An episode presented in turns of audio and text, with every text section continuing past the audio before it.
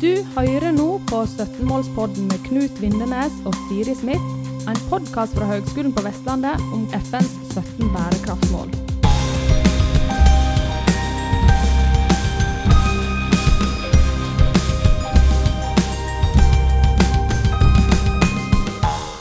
Hei, hei, alle sammen. Det er en ny episode av 17-målspodden her. Og i dag har vi en spennende gjest med oss, nemlig Bjørn Skjæran Haugland. Han er administrerende direktør i Skift, næringslivets klimaledere. Det har han vært siden mars 2019, da dette ble stifta. Han er òg styremedlem i bl.a. Vil Vite, Sporveien AS og WWF, og har vært med å etablere flere organisasjoner som jobber med klimarelaterte problemstillinger bl.a. Terravera. Um, og uh, vi har altså en businessmann med med oss, som har etablert seg innen klima- og naturdebatten. Og du har ikke ligget på latsida akkurat, uh, Bjørn, um, men har vært aktiv med å både etablere organisasjoner som jobber med dette, du publiserer i aviser og media, en populær foredragsholder på, på bærekraftrelaterte konferanser og samlinger, og som sagt administrerende direktør i Skift. Og når han ser på CV-en din på LinkedIn, så er jo lista mye lenger. Så du er på en måte både en businessmann og en klimaaktivist samtidig. Det syns vi er litt gøy. Så velkommen til oss, Bjørn. Takk. Eh, takk for invitasjonen, og ikke minst takk for en veldig sjenerøs introduksjon. Men eh, veldig gøy å bli invitert til, uh, til denne poden. Så kjekt. Jeg tror ikke, jeg tror ikke vi overdrev introduksjonen. Nei, vi har ikke overdrevet noe. Vi har dette her var fantastisk. Så, um, så med alle disse initiativene som du har tatt um, om uh, når det gjelder klima og natur, og alt du engasjerer deg i og jobber med til daglig, hva er det du ønsker å oppnå i den rollen du har som admdir i Skift?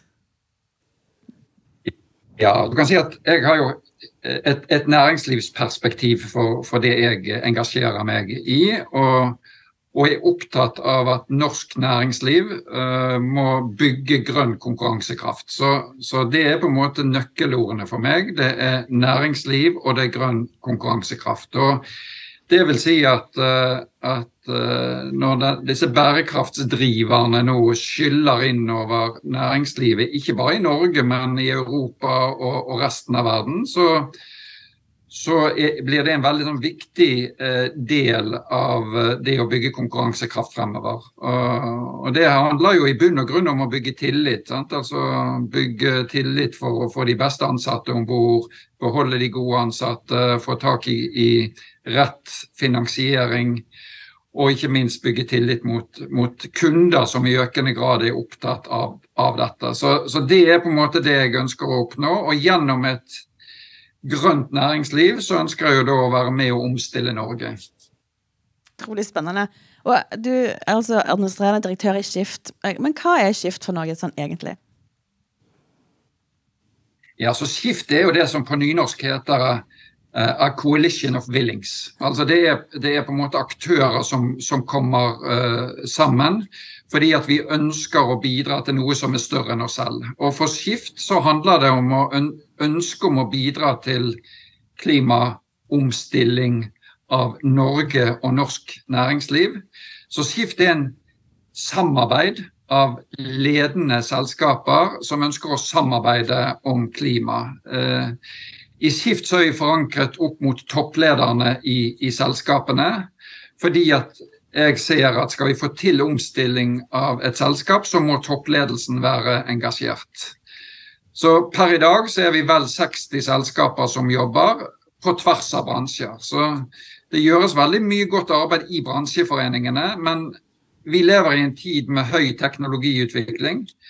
Og vi lever en, i en tid der det er viktig med større samarbeid. Derfor så er Skift et bransjesamarbeid. Og eh, Vi har mange konkurrenter som er med i Skift. Vi har med f.eks. Telia og Telenor. Men når de er med i Skift, så samarbeider de om å få til grønn omstilling. Så det er på en måte kjernen av Skift. Spennende. Jeg vet, jeg lurte litt på hva, hva, hva type selskaper Du hadde sånn eksempler på selskaper som er med i Skift som vi kjenner til. og Da sa Telia og Telenor er det andre store aktører som som folk gjerne kjenner til sånn? Ja, vi har med veldig mange av de store. Vi har med, sant, vi har med en del fra finansnæringen. Der er f.eks. DNB med Sparebank1, Finans Norge som bransjeorganisasjon er med. Vi har en god del innenfor bygg og eiendom, eh, Veidekke, Multiconsult, eh, Norconsult, de, de store selskapene der. Vi har innenfor boligbygging både Obos og JM Norge. Uh, vi har Statkraft med oss, vi har Storebrann, vi har, har, KLP, vi har Veritas med. Så vi har, vi har med veldig mange av de, de store selskapene i, i, Norge som er opptatt av, av klimaomstilling. Og som sagt, kjernen i Skift er å samle disse på tvers av bransjer. Og når vi gjør våre medlemsundersøkelser, så ser vi at det er nettopp det veldig mange er opptatt av. Det er det å møtes på tvers. Og Jeg har jo også sittet i styret på Universitetet i Bergen, så jeg vet også at dette med tverrfaglighet er noe som akademia er opptatt av, og, og, som er like vanskelig å få til både i næringslivet som i akademia. Så, men, det men, men, det var bare for å si noe så dere kan kjenne dere igjen i det å bringe sammen kan du si, ulike tverrfaglige grupper. Det er det vi gjør også i Skift. Skjønner, skjønner. Ja. Kjempeviktig. Eh, I, i uh, beskrivelsen av Skift så er begrepet klimaleder eh, brukt. Um, så kan man jo assosiere eh, mye rundt det og sånn. Uh, skal ikke jeg ta en veldig lang refleksjon på det. Men, men hva legger du i, i det begrepet? Um, er, det, er, det, kun oppsider i det begrepet, eller er det noen ja, nedsider, eller? er det, ja. Hva tenker du rundt det? Ja, det, det, er et interessant spørsmål. Vi, vi, har jo liksom definert oss som Skift næringslivets klimaledere. og I det så legger jeg tre ting. Det, det ene er at det, det skal, må ligge nysgjerrighet. Det må ligge nysgjerrighet ovenfor å forstå. Uh, og Den nysgjerrigheten er liksom veldig viktig for oss som nettverk, og veldig viktig for de medlemmene vi tar inn, at den må ligge underbyggende der. Så, nysgjerrighet så må det ligge et tydelig ønske om å bygge kompetanse. Altså bygge grønn kompetanse, investere i grønn kompetanse. Mm. Og så er det viktigste av alt, det er det tredje punktet, og det er det at det, at det gjøres handling.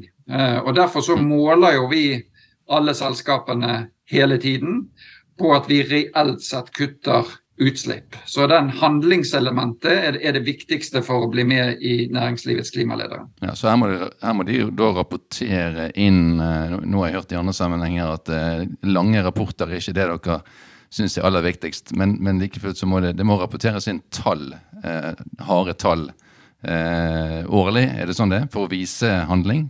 Kortsiktig altså ja. handling her og nå, ikke bare handling i 2050, men, men handling Absolutt. her og nå. Så det, eh, vi, vi, har en årlig prosess der alle må vise to ting. Det ene er det klassiske, som du sier, altså det bakoverskuende, altså målingen av hva en har oppnådd. Men for oss i Skift så er det den andre biten som er minst like viktig, og det er det fremoverskuende. Mm. Hva er strategien, hva er målbildet? Eh, så Derfor så kaller ikke vi det et klimaregnskap, men vi kaller det en klimarapport, fordi at det gir begge perspektivene. Ja. Men uh, vi er opptatt av å, å måle oss selv. Uh, vi er opptatt av å vise at når en er med i Skift, så reduserer en utslipp raskere enn det en gjør uh, i næringslivet for øvrig. Og vi er opptatt av gjennomsiktighet, og vi leverer også denne rapporten til myndighetene hvert år for å være transparent. Riktig. Ja. Og um, det med Men du, vi ja. snakket om dette her før, eh, Knut, og du var jo liksom på at men skal ikke alle ledere tenke klima og bærekraft? Er ikke det, må, man, må man faktisk skrive at du er klimaleder, eller målet må kanskje være at alle skal, skal være opptatt av dette her? Det stemmer det. Jeg, jeg hadde en litt sånn eh, kritisk eh, tanke rundt dette i går når vi satt og forberedte det. Ja. For, for, det at selve begrepet Men da knyttet til det kanskje assosierte kanskje og, og det å kalle en direktør for en klimaleder. Det var kanskje det jeg assosierte med det. Og så satt jeg og tenkte litt og fant ut at dette her gir jo ikke bare gode assosiasjoner. Eh, for dette tenker at man skal ja, altså Jeg ville ikke gått rundt og brukt det begrepet sjøl. Kom, kom jeg frem til etter å ha tenkt et halvt minutt eh, rundt der. Fordi at man skal være leder eh, helhetlig sett. Og så eh, tenker jeg at det kan jo virke i verste fall moraliserende hvis man går rundt og nærmest uh, toner flagg på det her og der at man er så mye bedre. Eh, kanskje noen vil tenke, hvis man skal løfte frem eh, klimaleder. det var en tanke jeg gjorde. Ja. Ja da, altså det, det, det, det, er mange aspekter rundt dette. Men for oss så står vi altså i en klimakrise. Uh, og vi står i en naturkrise. Mm. Og, og, og, da handler det også om å, liksom, å anerkjenne det i lederfunksjonen. At, uh, at, det er en uh, At det er hastverk, at det er viktig, at det er noe vi skal og må, må løse. Så, så, så, det er liksom Det vi jobber med i Skift også, det er jo liksom å få ledere til å bli modigere. fordi at uh, i, I, forhold til det vi snakket om tidligere, rapportering. Altså, det, det, altså Rapportering er ikke viktig for annet enn å ta gode valg. Men kjernen i alt vi gjør, det handler om kutt. Kutt, kutt, kutt. Mm. Sånn at, at, at, at, vi bruker dette begrepet for liksom å, å, få frem viktigheten av å handle i en krisetid. Mm. Og så er vi jo selvsagt opptatt av at vi når vi handler, så bygger vi også konkurransekraft til bedriftene. Det er jo kjempeviktig. Men dette begrepet mot, jeg syns det er spennende også, da, hvis, jeg, hvis jeg bare deler noen sekunder med det også. Hva, hva, legger vi i mot? Alle kan jo gå ut og snakke om at man er modige. Alle ønsker jo å være, De aller fleste ønsker å være modige. Men hva, hva legger du i det begrepet? Hvordan kommer det til uttrykk? Mot? Ja, altså eh, det, det kommer jo til uttrykk at, eh, at ledere blir eh, eh, mer på en måte autentiske. At de deltar f.eks. i samfunnsdebatten. At de setter tydelige mål for sine organisasjoner. At de involverer organisasjonen sin i, i arbeidet. At de, at de, etablerer større typer og andre typer samarbeid. Altså, Mot uh, peker på en leder, sånn som jeg definerer det, som er tilbake til det jeg nevnte med klimaleder. Altså er genuint nysgjerrig, mm. jobber genuint med å få mer kompetanse på plass, mm. og er opptatt av, av handling. Mm. Ja. Um, og så kan det se litt sånn ulikt ut, men, men du kan si at kjernen i skift det handler jo om endringene som skjer i bedriftene. Noen ganger så sier jeg til medlemmer som er nysgjerrige på skift, så sier de det å melde seg inn i skift det er som å melde seg inn i SATS. Du betaler for å bli med, men du må gjøre hele jobben selv. Ja. Og med det mener jeg at liksom, jeg kan, jeg kan liksom hjelpe dem til å bli litt både modigere og klokere, og ikke minst lære fra hverandre. Men selve jobben kan ikke, kan ikke jeg gjøre for dem. Den må de gjøre selv. Og da er det liksom det å få litt sånn inspirasjon og lærdom og kunnskap fra andre Eh, det gjør at de i sum blir litt modigere. Mm, spennende. Ja, spennende. Så har, har du har, nå 2019 Da har det gått noen år. Eh, ser du at det har skjedd noe positivt i, eh, i dette her initiativet, eller sånn i næringslivet generelt, når det kommer til kutt og bevaring av natur og disse her Ja, for, for å prøve å bøte på krisene, eller prøve å være med å løse krisesituasjonen vi er i? Altså, det, det, korte svaret er jo ja. Samtidig så er det jo lett å si at det skjer si, altfor lite i de selskapene som er i skift, og det skjer altfor lite i næringslivet og samfunnslivet og, og politikken. Så, ja. så, så, det er jo alltid et sånn litt sånn toegget sverd, dette her. Men, uh, men, dette er jo også det, det, er jo en stor samfunnsendring vi skal, skal inn i. Mm. Og, og, og, i et sånt perspektiv så vil jeg si det at uh, at, um, at, det skjer ganske mye. Nå er det jo litt sånn spektakulært å bruke 2019 som referansepunkt. For det var jo liksom når Greta Thunberg kom og ungdommene organiserte seg. Så sånn liksom fra overflaten kunne det virke som det var et, et større engasjement den gang mm. enn en det er nå. Men jeg tror i realøkonomien så, så er det eh, mer og mer et større momentum. Og det, dette handler om uh, om regulering, det handler om politikk, det handler om det som skjer ute i verden, ute i de store markedene våre, ikke minst i Europa, som på en måte har en påvirkning også på norsk politikk og norsk næringsliv. Så, så, så jeg er underliggende liksom, positiv og optimistisk på at vi har riktig retning, og så har vi fremdeles litt for lav fart. Og Derfor så er det jeg engasjerer meg i Skift, for å være med og få opp eh, farten, i hvert fall for, for det, de som vi kan påvirke. Mm.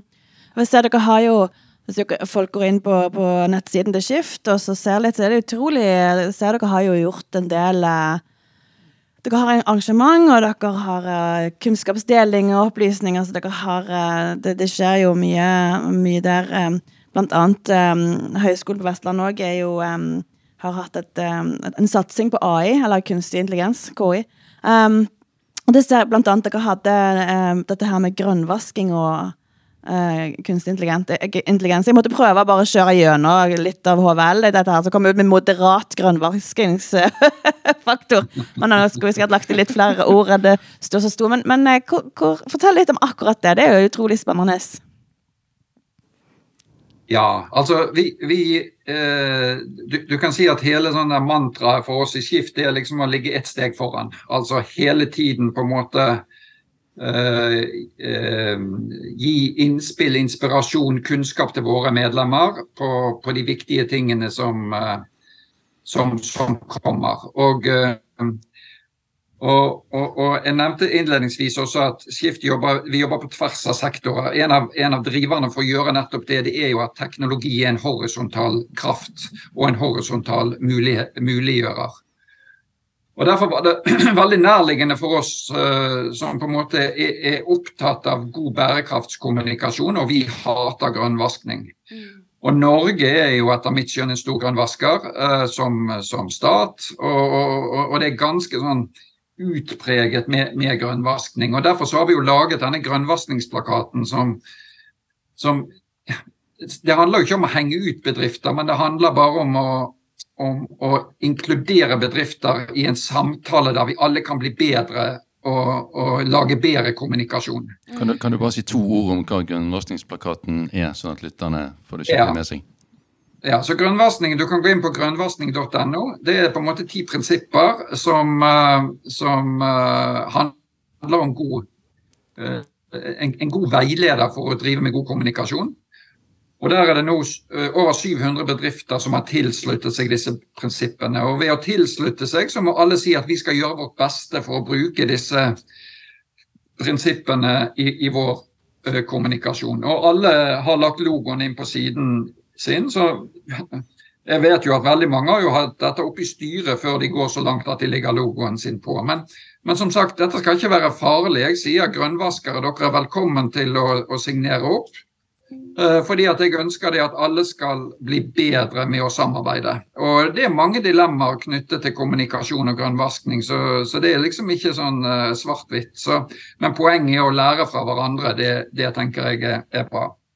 Mm. Og så har vi liksom da når uh, har vi tatt og sammen med Energi, AI og EY og variant, så har vi laget en sånn chat-GTP AI-løsning som vi har uh, trent opp på grønnvaskingsplakaten. sånn at Siri, du kan legge dine tekster inn, og så, og så får du en vurdering. Um, og det gjør jo vi både for å lage et, et, eh, nyttig verktøy, men også for å lære oss hvordan dette her kan, eh, kan gjøres. Og jeg er veldig interessert i AI personlig, så dette var på en måte sommerjobben min i sommer. Det var å lese alt jeg kom over av AI og være en del av dette prosjektet. Så det var egentlig en god del studenter Energi AI hadde med, som, som laget denne applikasjonen for oss. Så det var, var, var var gøy å, å, å, få det til. Og så var det en veldig kjekk prosess, og veldig lærerik prosess, spesielt for en eldre mann som meg. eldre og eldre. Eh, jeg skulle si grønnvasking òg. Eh, tror du bedriftene er klar over at de bedriver grønnvasking, eller er det mange som tenker at eh, de har en god sånn bærekraftig businessmodell, men egentlig ikke det går genuint, altså de går dypt nok? Av og til tenker de på det, om, det, om de vet om hva hva de gjør. Er det, mange, er det mange som erkjenner det på en måte rett ut at ja, vi, vi, vi, vi innrømmer at vi har grønnvasket, nå skal vi ta oss sammen? Eller at de ikke vet det. ja. Jo, men er det, er det mange som erkjenner det på en måte rett ut? Altså, bare for å ta første spørsmål. Jeg, jeg, tror det er veldig mange som på en måte gjør det helt ubevisst og av veldig god vilje. Mm. Altså, en, en, ønsker liksom å, å, fremstå grønn, en ønsker å få frem gode ting en gjør. Uh, og, og, veldig mange av kjernen i grønnvaskingsplakaten er, jo bare, det er jo bare sånne ting som at hvis du, hvis, du, hvis du, skriver at du er grønn, så må du forklare hvorfor du er grønn. Altså Du må på en måte få frem hele, et informasjonsgrunnlag. Ja. Og der er nok mange som svikter. At de sier at dette er bra for kloden og så har de ingen dokumentasjon på å, å, å, å dokumentere det. Så det er mye ube, ubevisst grønnvaskning, og, og, det er nettopp derfor vi jobber veldig med dette. Vi samarbeider jo her både med Forbrukertilsynet og Forbrukerrådet, som, som, er veldig gode medspillere for oss i dette arbeidet. Så, ja. så det er nok hovedregelen at det er mye ubevisst. Så er det jo noen som kanskje grønnvasker litt mer bevisst. Og, og et eksempel som jeg bare tenkte skulle dele her, uh, i hvert fall fra en bedrift som aksepterte at de hadde grønnvasket, det er Nortura. Ja. Nortura. Ja. Nortura ble jo da anklaget for grønnvaskning og, og la seg flat. Uh, og, og, og, vi har hatt veldig stor glede av de, for de har også signert grønnvaskingsplakaten. Og de har liksom delt den historien på en veldig sånn lærerik måte til, til resten av, av nettverket. Uh, på de vurderingene de, de, de gjorde, og, og hvordan de nå i ettertid ser at de ikke var uh, si, så gode som de burde være. Så, og, og, og, igjen så er det det, det det, vi ønsker å få frem med dette. Det vi kaller det ofte en læringsarena, sånn at vi, vi, vi deler lærdom fra, fra hverandre. Og uh, hele grunnen til at vi startet dette initiativet, det var jo pga. Elkjøp, uh, som i sin tid lagde noe de kalte Green Weekend. og uh, som, eh, som, ikke var helt bra. Men, men, Elkjøp er jo en av de partnerne nå som er, er, mest aktive og jobber med dette her. Og deler sin historie og deler hvor langt de er kommet, og, og deler de utfordringene som ligger foran, foran de. Så liksom, hele greia her er å få til et, et, et samarbeid der en er åpen og, og, kan lære fra hverandre. Hva, hva var det med Nortura, da, helt sånn eksakt? Hva var det de hadde gått ut med og de måtte gå tilbake på? Husker du det, eller? Ja, vet du hva, jeg, jeg, jeg husker ikke det Nei. helt presist, men, men uh, jeg tror var, Hvis jeg husker riktig, så var det en, en doktorgradsstudent fra Handelshøyskolen som gikk ut og, uh, okay. og, uh, og, på en måte anklaget de for, for, for grønnvaskning og i, i, Dagens Næringsliv, hvis jeg husker riktig. Og, og, som sagt så gikk de tilbake og, og liksom la, la, seg flat, og, og så det, har de jobbet veldig mye med det. Det svekket sikkert men, ikke de snakker om. Men jeg husker ikke akkurat presis saken. Det, altså det å, det å, legge seg litt flat der og legge om kursen svekket sikkert ikke deres merkevare heller. Eller mm. motsatt, vil jeg tro. Nei, jeg tror jo det tvert imot har vært veldig, veldig viktig, viktig for dem. og som sagt fra vår side så, så det, det, er mange gråsoner i dette, dette landskapet her. Og, og, jeg vet jo at dere jobber mye med sånne dilemmaer, um, og, og, det tenker jeg er, er veldig viktig. Um. Jeg tror kanskje litt av, av, utfordringen fra miljøbevegelsen er at en gjør, gjør ting litt svart-hvitt. Mm. Uh, og uh, verden er ikke svart hvit. Eh, verden er full av gråsoner og dilemmaer. og, og Derfor så, så, prøver vi i Skift å være en litt mer sånn samlende aktør sant? i et litt sånn polarisert landskap. Mm. Anerkjenne eh, på en måte dilemmaene. Og, og heller, heller, få samlet aktører som på en måte kan, kan bli litt klokere sammen med å snakke gjennom eh, dilemmaer. Ja. En ting bare jeg ville spørre deg om, det var dette med natur, uh, naturopplæring av, av næringslivet. Uh, det, fortell litt om det. ja, altså um, Natur er jo liksom en sånn perspektiv som er kommet uh, veldig sterkt de siste, de siste årene. Og uh, jeg ser jo på det som et veldig sånn viktig perspektiv også i, i, klimakampen. De er selvsagt veldig sterkt relatert. Men det er jo sånn at alt vi gjør for naturen, er bra for klimaet. Mm. Men det er ikke alt vi gjør for klimaet som er bra for naturen. Og, og, dermed så ser du at uh, dette naturengasjementet det, det, går mye bredere i, i, i befolkningen. Uh, en kan ha meninger om ulike klimatiltak, men, men, som regel er alle glad i naturen og opptatt av naturen. Og naturen er jo noe veldig lokalt, mens klima er liksom noe veldig globalt. Mm. Ett kutt CO2 i Kina er akkurat samme som ett kutt CO2 i Norge, på en måte. Så, så, jeg er veldig positiv til at vi får opp natur. Først og fremst fordi at natur er jo veldig, veldig viktig. Mm. Ja, altså verdien av uberørt natur, den tror ikke det er mulig å sette en, en, en verdi på. Um, så jeg, jeg, er glad for at det perspektivet kommer opp. Uh, for oss i Skift så, så, handler det veldig mye om å bygge liksom, kompetanse på dette. Bygge forståelse. Bringe sammen virksomheter fra ulike sektorer og, og forstå hvordan en, en, ser på dette med natur. Hvordan en tar det inn i regnskapene sine, hvordan en tar det inn i kalkylene sine. Og etter hvert så vil du også se at vi kommer til å jobbe mer med liksom konkrete politiske løsninger til hvordan dette kan gjøres på en forsvarlig måte. Eh, for, det er også sånn at næringslivet bruker altfor mye natur. Og er altfor lite bevisst på liksom, hvordan natur egentlig spiller inn på forretningsmodellen både eh, nedstrøms og oppstrøms. Så i, i, Skift så har vi ulike typer prosjekter. Eh, vi har et prosjekt nå som vi kaller Nature Accelerator Program, som, som er et kompetanseprogram som er veldig populært, der vi mm. belyser ulike sider av natur. Mm. To, alle rapporterer nå på natur. Alle som er med i Skift må rapportere på natur. Det er veldig lærerikt for veldig mange. Og, og, det tredje prosjektet bare vil nevne, det er jo liksom det igjen Vi ønsker å være en gjøretank og gå foran. Veldig mange næringslivsaktører har store arealer selv. og Derfor har vi et eget prosjekt som gjør at vi skal spesielt ha store plenarealer. Og plen er jo ørken for, for alt som lever i naturen. Og gjøre plen om til natur.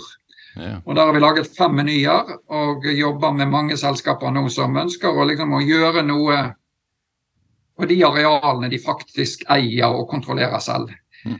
Det er også en litt sånn syke i det norske samfunnet at vi er veldig flinke til å lage to do-lister til andre, og ikke så opptatt av å lage våre egne to do-lister.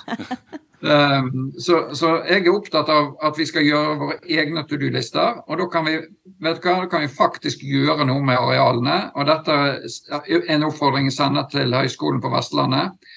Dere skal jo være et laboratorie for studenter og for klimaløsninger. Så se rundt dere. Eh, plener det er som en ørken for en bie.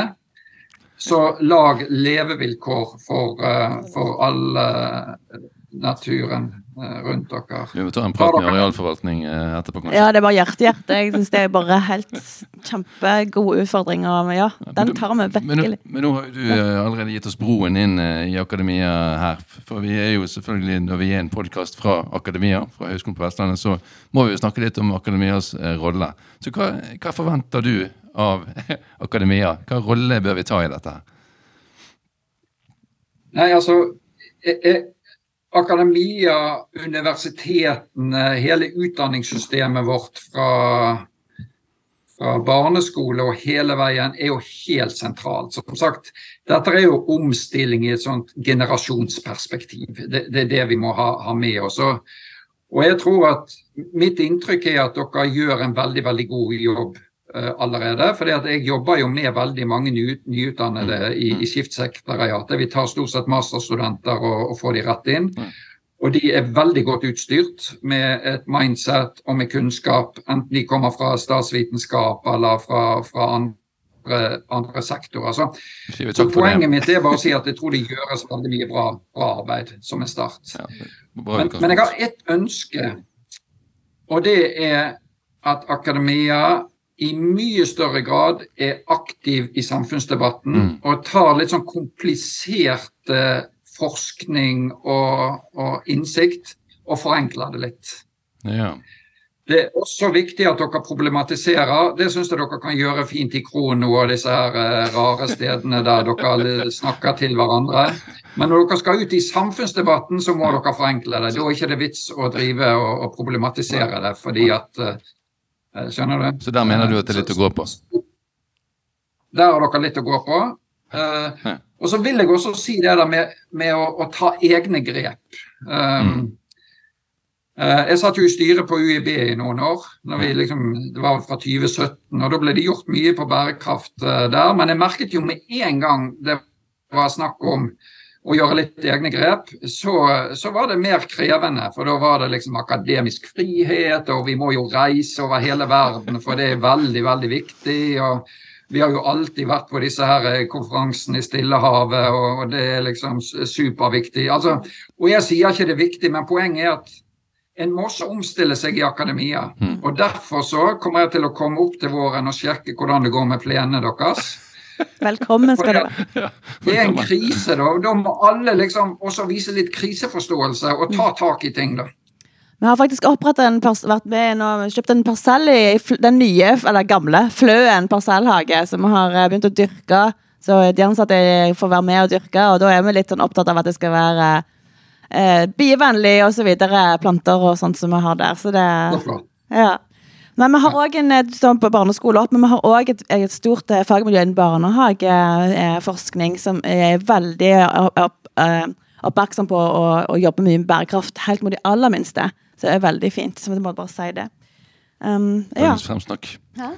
Dagens fremsnakk. Dagens fremsnakk. For det er vel ikke noe sånn her at vi kan si at noen utdanninger ikke treffes av tematikken her. Sant? Altså vi har, eh, vi har eh, sykepleierutdanning, altså helse og sosial, og vi har ingeniørutdanning, vi har økonomi og administrasjon osv. osv. Eh, alle, alle er vel, altså i hvert fall Når vi ser på bærekrafttematikken i bredde, totalt sett, så treffes vel eh, alle. Og så er det mer direkte, eller ja, noen direkte på klima og natur og sånn. Eh, andre mer indirekte. Eller hva tenker du rundt dette? her? Nei, Jeg følger deg 100% altså. Og det, det er jo sånn veldig viktig, tenker jeg, å å bruke dette bærekraftsperspektivet og, og, og, disse 17 bærekraftsmålene, som egentlig bare, egentlig bare, peker på en mye bedre verden, en uh, større verden, en mer rettferdig verden. Og, og ta det perspektivet inn i, inn i, inn i alle utdannelser. Uh, og, alt er ikke relevant for alle, men, men, noe er relevant innenfor det området. og jeg mener det, det, vi snakker om, er jo samfunnsutfordringer. Og, og, disse 17 målene peker på 17 samfunnsutfordringer. Og, og, og det må jo være helt sentralt i all utdannelse at en, en, utdanner seg til å jobbe med disse utfordringene som samfunnet har, og løse det på en best mulig måte for oss, oss som bor i Norge. Så, så det er nok en viss sånn klimatrøtthet tror jeg, ute blant folk. En snakker kanskje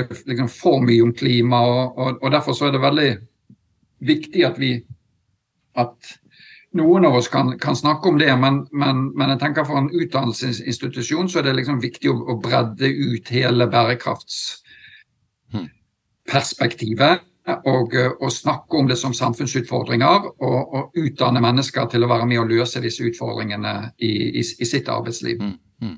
Ja, det er riktig å høre. Veldig flott. ja. Og du var jo litt inne på dette her med han her stipendiaten på NHH som hadde gått inn på den Natura-saken. Eh, eh, og da er vi jo inne på forskningsbiten og tenker selv har jeg tenkt at uh, med samarbeid med næringslivet at uh, der er det mange, uh, mye potensial til å drive mer aktivt med forskning i det skjæringspunktet akademia og næringsliv. Men jeg tenker kanskje at mange, altså mye av næringslivet ikke er klar over at, altså hvordan man kan gjøre det, hvordan man kan nærme seg altså Få forskere med på laget, hvordan man skal liksom ta første skritt. Men hva tenker du rundt forskning og, og dette her med, med samarbeid med næringslivet? ja?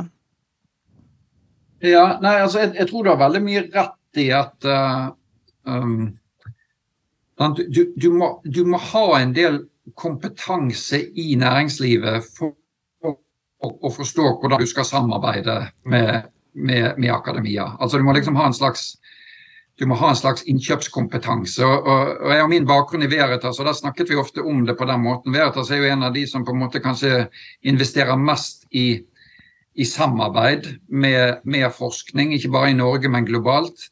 Men det er også de som forsker mest selv. Ja. Og, og, og, og, jeg ledet jo forskningen i flere år der, og da var vi veldig tydelige på at når vi, når vi, forsker selv, så er det på en måte vår måte å bygge god for å bruke sånn språk, innkjøpskompetanse ja. altså på, på forskning. Altså, du må være så, så, så, det, så, det, er der det starter. At, eh, at, næringslivet må liksom sette seg opp med noen ressurser selv, sånn at de på en måte kan, kan liksom skjønne hvordan de kan samhandle med, med universitetene innenfor forskning. Mm. Uh, så, dette er på en måte en, en kompetanse i seg selv. og, og og, og, alle statistikker viser jo at i Norge så er vi litt for dårlige på dette her. Og der igjen så tror jeg kan sende en utfordring tilbake til, til akademia. At, at det så liksom å, ikke bare løpe etter næringslivet på prosjekt etter prosjekt, men, men, men begynne å tenke litt mer systematisk rundt det. Hvordan næringslivet kan liksom få bygget opp den kompetansen. Hvordan vi kan etablere eh, samarbeidsarenaer som en lærer litt på hvordan dette skal gjøres, tror jeg blir avgjørende. I, i Skift så har vi jo med en god del av disse breddeuniversitetene som, som kunnskapspartnere. Bare fordi at jeg er så genuint opptatt av å integrere kan du si, Eh, forskning, formidling, eh, opplæring og, og, det inn mot næringsliv. Mm. Og jeg, jeg, merker at næringslivsledere setter veldig pris på å få den nærheten og forstå litt mer. Men, men det er for lite kompetanse om det, og, og det tror vi må, vi må få endret på fremover. Altså for vår del på HVL så òg dette med regional utvikling. Vi har jo campus eh, sant, fra Haugesund til Sogndal eh, og dekker store deler av Vestlandet. Um, så jeg tenker det er jo, um, det er jo viktig, en del, del, av viktig strategi for oss å jobbe med regional utvikling. Så der er det jo store muligheter. Og det med Grønn region Vestland, eh, denne her uh, satsingen der er vi òg inne i. Så, men absolutt, det er at vi rigger en arena på en måte ja, for å få, bli kjent og, og, og, se muligheter litt mer sånn på, på langs. Ja. ja, hvis jeg forstår det rett, så tenker du nærmest på akademia som en uh, premissleverandør og, en leverandør av altså tenking og kompetanse. Altså Når våre kandidater skal ut i arbeidslivet, så, så vil jo de eh, Ja, altså Da må jo idealet være at de har holdninger, tankesett, kompetanser som, eh, som gjør at samarbeid eh, Altså terskelen til samarbeid blir lavere, da. Og at, at eh, sånn sett eh, altså jeg tror, jeg tror det er helt rett at du på en måte ikke problematiserer, men at du, eh, at du, sier at samarbeid mellom akademia og næringsliv det kommer ikke av seg sjøl. Det, det, er sånn jeg hører det du sier. At, at, det ligger litt sånn forutsetning at man er på en måte rigget, og at man har en grunnleggende nok forståelse eh, på en måte av hverandre. Og ikke minst at altså, ja, næringslivet forstår hva akademia er, blant annet. Og, og, ja, og, og, og, de, den, den kompetansen kommer ikke av seg sjøl. Den, der, der, er vi jo annet avhengig av tenker jeg, at vi i våre grunnutdanninger altså Når vi sender ut altså, ja, våre kandidater som bachelorer eller mastere, mastere og, og, og ph.d.-kandidater til næringslivet, så kommer de med en bagasje som, som forhåpentligvis vil styrke næringslivets evne til samarbeid eh, med eh, akademia. Og så har vi jo videreutdanninger også som ikke vi skal skimse med der folk fra bl.a. næringslivet kommer inn og tar kurs. Og det burde de i mye, grad, mye større grad eh, gjøre. altså eh, Livslang læring og videreutdanning er jo kjempeviktig. Og, og der, og, og der få, påfyll av kompetanse og ja, altså egenskaper eller skills. Eh, ja, Kommer ikke på et norsk ord. Men eh, få med seg en bagasje ut igjen, da, sånn at de eh, også kan eh, bidra til å akselerere samarbeid. Ja. Det var et langt resonnement. Ja, nei, men du, du, har helt rett. Og, og, og igjen, jeg vil liksom bare gi, gi, noen perspektiver på det. Jeg er jo selv utdannet på Høgskolen på Vestlandet. Ja, kult. Og, og, men jeg har aldri fått en, en, en tilbud om oppgradering. Sant? Altså Tesla de leverer bilene sine. De er ikke helt ferdige, de er ikke helt liksom sånn. Men, men, men om morgenen når du våkner, så er bilen oppgradert, oppgradert, oppgradert. Eh, og så gikk jeg på høyskolen før det var høyskolen, men det var teknikken i gamle dager, da, som ja. nå er en del av eh, ja. ja. Men, men, poenget mitt er det med videre- og etterutdanning er jo helt sentralt. Og i dag er det en sideaktivitet på norske universiteter, og det har selvsagt noe med finansiering og alt dette å gjøre. Men, men, det må styrkes fordi at uh, Jeg vil si at det er mer kritisk per i dag enn utdanning av nye kandidater. Jeg vil si at De nye kandidatene syns jeg er strålende stort sett som kommer ut. I hvert fall de som jeg uh, har uh, liksom møter i ulike sammenhenger. Men det er et enormt behov for opp oppgradering.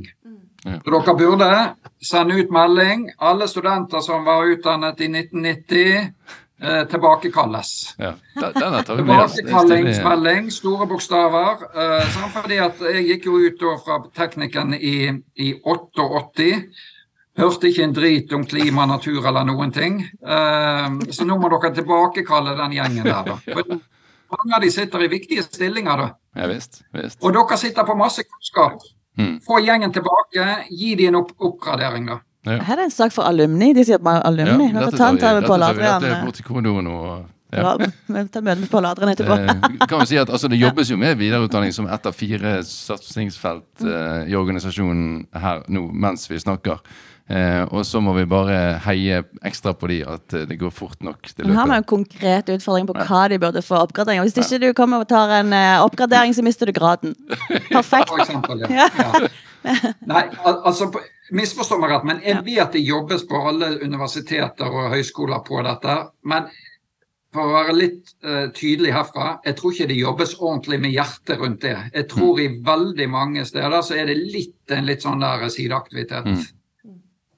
Og, og, og, det er det jeg tror bare er så viktig fremover, at det i mye større grad blir en hovedaktivitet. Og da tror jeg at det må gjøres noe med rammebetingelsene rundt det. Altså det har noe med finansieringen og alt dette å gjøre. Men uh, jeg tror det er også en mulighet for, for norske universiteter og høyskoler å bidra mer i omstillingen mm. fremover. Kjempespennende. Nå har vi, vi må kanskje begynne å nærme oss slutten her, eh, men mm. Eh, vi har to litt spennende spørsmål igjen. Har vi ikke det? det jo, nå ble jeg så opphengt i dette fascinerende vi snakket nå at jeg mistet litt uh, Men kjør på, du, Siri. ok. Uh, er det andre sider uh, Du har jo vært inne på det, da, men FNs bærekraftsmål, en klima og natur som du er litt spesielt opptatt av?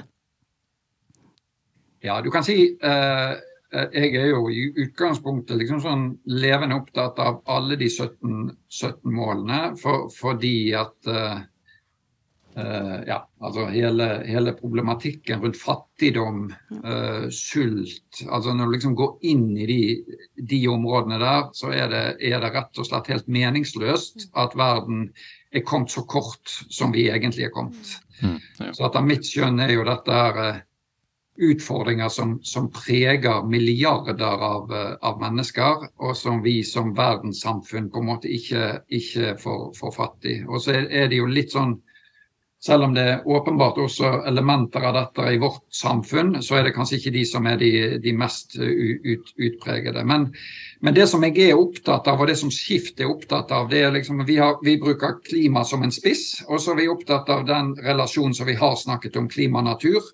Men så er vi også opptatt av den det elementet som vi kaller klima og rettferdig omstilling. Ja. Og Derfor så er vi opptatt av liksom å nå ut bredere. For vi, vi, er jo stort sett en liten menighet, en sånn klimamenighet som snakker til hverandre om hverandre, og, og, og vi må nå ut bredere. Så når vi var en av stifterne og egentlig initiativtaker til klimafestivalen 'Varmere, våtere, villere' i Bergen, så var det ett sånt initiativ for å bredde ut engasjementet. Mm. Så vi ser etter andre sånne typer engasjement, fordi vi ønsker å være en samlende aktør og, og, Hvis du ser på lokalvalget nå, så er det jo åpenbart at de partiene som kanskje er mest tydeligst på, på klima, ja, de får i sum i hvert fall ikke økende oppslutning. Så, så, på en eller annen måte så tror jeg vi må klare å uh, få frem denne historien om Norge mye bedre. Hvor er det vi skal? Uh, hvordan er det vi ønsker å omstille oss? jeg, jeg, jeg, tror den for veldig mange så er historien om Norge litt vag mm. Og, og, polarisert. Uh, og det tror jeg er, er viktig å, å, få til. Så Fryktelig interessant tema. Spørsmålet ditt er at rettferdig omstilling er noe som jeg er opptatt av. Ja, så bra. Jeg bare har, jeg brenner, brenner Du må være kjapp med siste spørsmål, for det begynner å gå litt tid der. Jeg vet det, men det var bare OK, jeg, jeg sa meg på tid etterpå, men de hadde jo jeg var interessert i for mange vi, vi har snakket litt med um, Det er jo litt sånn spennende å høre. Hva, hva skjedde uh, den, altså når du fikk dette her engasjementet? Hvorfor ble du uh, engasjert i bærekraft, klima og miljø? Uh, hva, var det en spesiell hendelse, eller var det bare sånn at du bare så at det her må vi ta grep, liksom? Uh, Uh, ja, det er et godt spørsmål. Og For meg så, så har det et ganske sånn definert uh, tidsperiode. i hvert fall, og Det handlet om at jeg ledet Veritas i, i Kina fra 2004 til 2009. Og Det var på en måte en periode der dette med klima kom høyt på den globale samfunnsagendaen. Det var da Al Gore og IPCC fikk fred, uh, fredsprisen, og det ble liksom en mye større oppmerksomhet på det. Så jeg tror det det kombinert med det å leve i et samfunn Og jeg reiste jo på den tiden veldig mye i hele Asia. Uh, og, og, og, se mange steder kunne jeg smake luften, uh, for det var så mye forurensning. Og se liksom behovet verden har for å omstille seg. Mm. Og den gangen var jeg i Veritas, og liksom, da klarte jeg veldig enkelt også å koble det mot de mulighetene et næringsliv har, som på en måte kan aktivt være med å fasilitere dette. Så, så i den perioden så, så, vokste mitt engasjement. Mm. Så tror jeg kanskje det har lagt der tidligere, men jeg har ikke vært aktiv. Men da vokste det voldsomt. Og når jeg kom hjem fra Kina, så fikk jeg ansvaret for liksom, å, å, forme Veritas sin, sin, bærekraftsagenda. Eh, så jeg tror jeg var Norges første det vi i dag kaller sånn Chief Sustainability Officer. Dvs. Si å sitte i konsernledelsen med et ansvar for, for klima, miljø og, og bærekraft. Mm. mm. Og det gjorde vi ut ifra ett perspektiv, og det var at vi ønsket å posisjonere hele organisasjonen inn i dette, for vi så at her ligger det forretningsmuligheter. Og For å få det kraftig nok, så omdøpte vi hele visjonen til Veritas. Eh, sånn at vi sa vi må ha bærekraft inn i visjonen. Så vi lagde da visjon om å ha global impact for a safe and sustainable future. Mm. Og så startet vi en dialog med alle 17 000 ansatte. Hva er en sustainable future? Og, og, tok det ned på lokalt nivå, og tok det ned på ulike språk. Så, mm. så f.eks. i Kina så måtte vi da om, eh, oversette sustainability til kinesisk. Ja. Så måtte vi oversette det tilbake til engelsk igjen for å forstå hvordan kineserne tenkte rundt sustainability. Ja.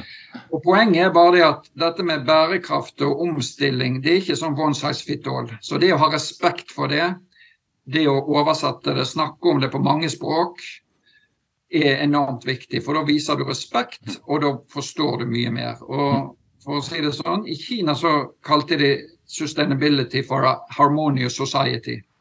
For det er liksom et begrep de bruker eh, hos seg, og, og, sånn oversatte de liksom bærekrafta. Så ja, lang historie, men der våknet mitt engasjement, og siden så har det bare vokst. Jeg, jeg henter jo ut eh, to eh, knagger i hvert fall av det du sier nå. Du, du er jo veldig mulighetsorientert generelt sett, så det får være dagens kompliment.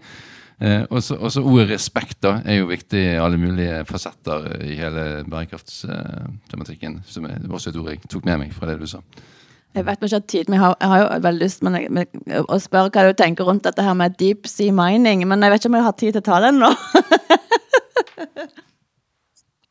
Nei, altså der tror jeg vi skal ha respekt for det vi ikke vet, og begynne i den enden. Og der har kanskje akademia da en, en stor oppgave foran seg. da. Så jeg, jeg, tror, i hvert fall for min del, så, så bare tror jeg det er et område som vi må ha mye eh, høyere grad av kun, reell kunnskap før vi tar på en måte politiske beslutninger rundt det. Mm, godt svar.